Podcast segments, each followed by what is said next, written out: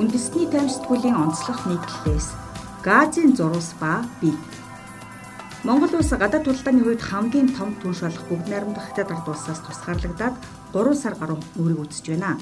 Бээжингийн өвлийн олимпийн наадам туслагдах эрсдлээс сэргийлэн тэг ковид бодлого хэрэгжүүлж хэлийн худалдаанд онцгой дэглэм тогтоосноор монголчуудын хувьд тусгаарлагдаж бас хүлээлт ихэлсэн. Олимп тусгаар байдал засарна гэж найдсахаж байлаа. Гэтэл олимп дууссан ч хөлийн дэглэм дүрм журмаа сулруулсангүй. Харин дэд бүтцэн сайжруулж барилга байгууламж, техник тоног төхөөрөмжөө нэмэх замаар татан авалтаа нэмэгдүүлэх боломж олгосон тул тэр болтол худалдааны хамгийн том түвшээсээ өдөрт 60 чингэлэг бараа авч голоо зогоохоос өөр арга үлдсэнгүй. Ингэснээр Монгол улс газын зурвастай ижил байдалд орчихлоо. Энэ байдал хэр удаан үргэлжлэх вэ гэдэгт бүгд санаа зовж байна санаа зовх шалтгаанч хангалттай байгаа юм. Бүгд найрамдах хятад ард улс бүхий л хөршөө тусгаарлалтанд оруулсан. Урд хөршийн тэг ковид бодлогод өртөж худалдааны хувьд тусгаарлагдсан улс нь ганц бид биш гэдгийг хэлэх хэрэгтэй. Вьетнам, Мянмар, Таиланд гэх мэтчлэн зүүн өмнөд Азийн олон улс худалдааны тусгаарлалтанд өртөж асар их хохирол амсаж байгаа.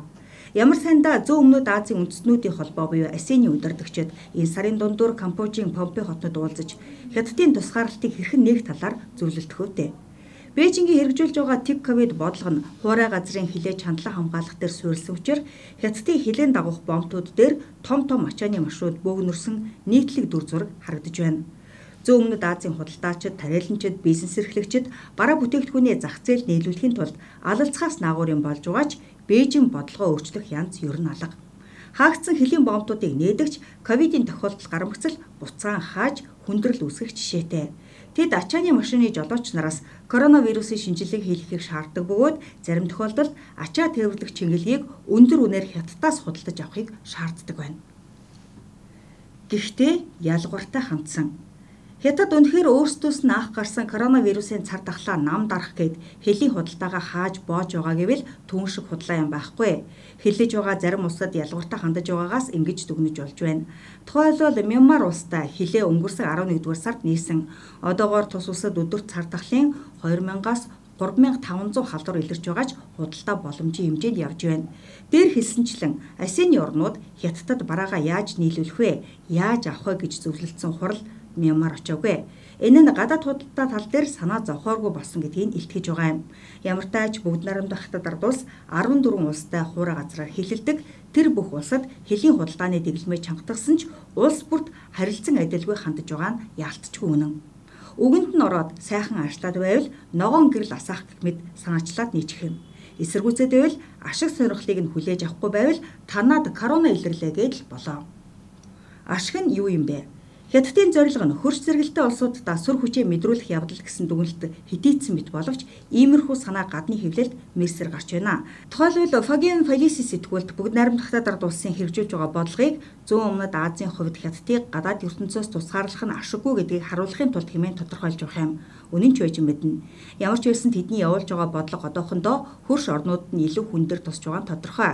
Өөрсдөд нь бол төдийл хохирлгүй магадгүй багасаа хохирол гарч байгаач хүрхээр ирмэлзэж байгаа үр дүнгийнх нь хажууд жижиг гэж тооцогдохоор байгаа нь илт байгаа юм. Хятад ядчил хилээ хизээ нээж хаагыг шийдэх эрх байгаа бөгөөд энэ нь ашиг олохгүй ч алдагдлалд орохгүй байх боломжийг олгож байна. Харин хуршүүдийн хувьд хятадын хэл тодорхойгүй хугацаагаар хаах шийдвэр бүр цэвэр алдагдал авчирч байна. Шин жимээс хүнсний догоо болон өмнөд нутгаас нь тэрвэрлэхэд хөлдөөх шаардлагатай байдаг далайн гаралтай болон бусад түргэн мууддаг бүтээгдэхүүн дээр хамгийн их хохирол амсаж байна. Энэ нь юу гэсэн үг вэ гэхээр цар тахлын нөхцөл байдал хэдий удаан үргэлжлэн хятад төдийлөн ашигтай гэсэн үг. Сэтгүүлийн дүгнэлт үнэн бол тэд эдийн засгийн хувьд биш юмаа гэхэд нөлөөллийн хувьд ашиг олж байгаа нь гарцаагүй. Хятадтай хилэлдэг 14 улсаас 2-ыг сонгож ямар байдалтай байгааг тандъя. Казахстан Хятадын бүс ба зам санаачилгын хүрээнд Казахстанд шинэ галт тэрэгний зам тавигдж казах буудаа, хүнсний тос, үхрээ маха Хятад руу ахиухан хэмжээгээр зөөх боломжийг олгосон. Бээжин ч энэ бодлогыг нь дэмжиж хамтарч байлаа. Сүүлийн 12 сарын хугацаанд Казахстанаас хүнс импортлохыг сонгон хориглож бодлогодоор тууштай байгаа хэсэгт нь эргэлзэхээр зан гаргаж байна. Энэ зурд харин Казахстаны нутгаар дамжин өнгөрөх хятадын ачаа тээврийн хэмжээ нэмэгдэжээ. Вьетнам Вьетнамын Лао Кай мужийн Ким Тахан хөлийн бомбтод коронавирусын тохиолдол гарсан тул хятад худалдаа хийхээ зогсоожээ. Тус бомб төр байдал ялгаагүй ковид илэрсэн гэж шууд хааж байгаа учраас үйлдвэр худалдааны яам нь бизнес эрхлэгчтэй хандаж алдагдлалд орохгүй тулд төлөвлөгөө гаргахдаа хөлийн байдлыг ажиглаж явахыг зөвлөхөөс өөрийг хийж чадахгүй байдал оржээ. Бусад улсын хувьд ч байдал дээрх хоёроос нэг их сайнгүй байгаа гэд ойлгоход болохоор байна цар тахал тоглоом биш хятад шиг олон хүн амтаа улсад их хохирол учруулахыг үүсгэх аргагүй болгоомжлыг нь буруутгахгүй. Гэхдээ л бусад улсад зүгээр явж болоод байгаа гадаад худалдаа хятадд болохгүй гэдэг нь үндслэл муутай. Ойр үед эхлэх худалдаагаа нээхгүй бол ямар нэгэн бодлого хэрэгжүүлж байна гэж үзэхээс аргагүй юм. Монгол газын зурус болж хувирлаа. Уг нь хятадын хуршууд газын зурус болж байна гэж гарчиглаж болно л доо. Гэхдээ 14 улс дотроо манайх шиг 100% шахам хамааралтай нь ховор. Газын зурус бол 360 км квадрат газар нутагтай 3 сая хүн амтай. Египт, Израиль гэсэн хоёр улстай хэлдэг боловч Египтийн талаас өндөр цементийн ханаар тусгаарлагдсан тул гадаад худалдаа нь Израилаас бүрэн хамааралтай байдаг. Манайх бүгд найрамдах хятад ард улсаас хамааралтай байдагтай баргад ойролцоо олон. Энэ хязгаарлагдмал бүс рүү бараа таваар зөвхөн Израилийн хилээр дамжиж орох бөгөөд юу оруулахаа Израилийн тал шийддэг. Энэ хязгаарлагдмал бүс рүү бараа таваар зөвхөн Израилийн хилээр дамжиж орох бөгөөд юу оруулахаа Израилийн тал шийддэг. Өвгөнд нь орохгүй бол хаан Бон 10 жилийн өмнө эрхчлөөний флотил хөлөг онгоцтой холбоотой дуйлан дэгдэж байх үеэр хувцс оруулахыг хориглож Газийн палестинчуудыг нүцгэлэх шахсныг санаж байна. Манайх яг ижилхэн нөхцөл байдалд байгаа учраас л Монголыг Газийн зурус болсонтой адилд тооцлоо. Вьетнам, Тайланд гэхэд гадаад худалдаа нь Хятадаас 19 20 орчим хувийн л хамааралтай. Цаашдаа Хятад бүтэхгүй юм байна гэж бодвол замаан бодоод мөрөн хөөгөөд явах боломжтой ус харагдана. Бидэнд ямар сонголт байна вэ? Эрүүл мэндийн яамнаас өнгөрсөн 7 хоногийн пүрэв гарагт хийсэн ээлжид мэдээллийн үеэр цар тахал эндемик буюу тархалт нэг улсаар хязгаарлах хэмжээнд очиж байгаа гэж ярьсан. Энэ бол мэдээжээр сайхан мэдээ цар тахлыг үүсгэгч вирус мутацлагдсан хэвээрч халдварлах чадвар нэмэгдэхээс хоруу чанарын хувьд буурч байгаа нь тодорхойлсон. Европ тухай хамгийн том голом тулах их Британи 20 цэрийн бүтэгэлмээ цуцалсан нь үний жишээ.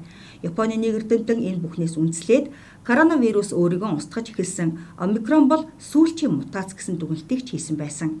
Гэхдээ тархалтын хэмжээ энзимик буюу нэг улс ард түмнэр хязгаарлагдах болсноор тухайн улсдаа маш том эрсдэл дагуулж байгааг хятадын хэрэгжүүлж байгаа бодлогоос сануулах ёстой. Вакцинжуулалтанд иргэдэд хамруулж чадаагүй эрүүл мэндийн тогтолцоо сул хөгжсөн улс орнууд цар тахлын голомт болж бусдаасаа тусгаарлагдан зовж зүдрэх нь бараг л ойлгомжтой болчихлоо.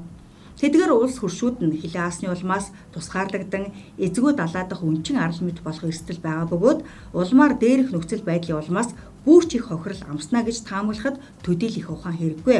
Өөрөөр хэлбэл цар тахал нь том хүчрхэг өөрнүүдэд нөлөөгөө бэхжүүлэх ашиг сонирхлоо бусдаа тулган хүлээлгэх боломжийг олгочихж бид своп хилцээрээр авч байгаа юаны зээл гих мэтэр нээдэг байсаар байтал дахиад нэг нээдэг нэмэгдчихсэн.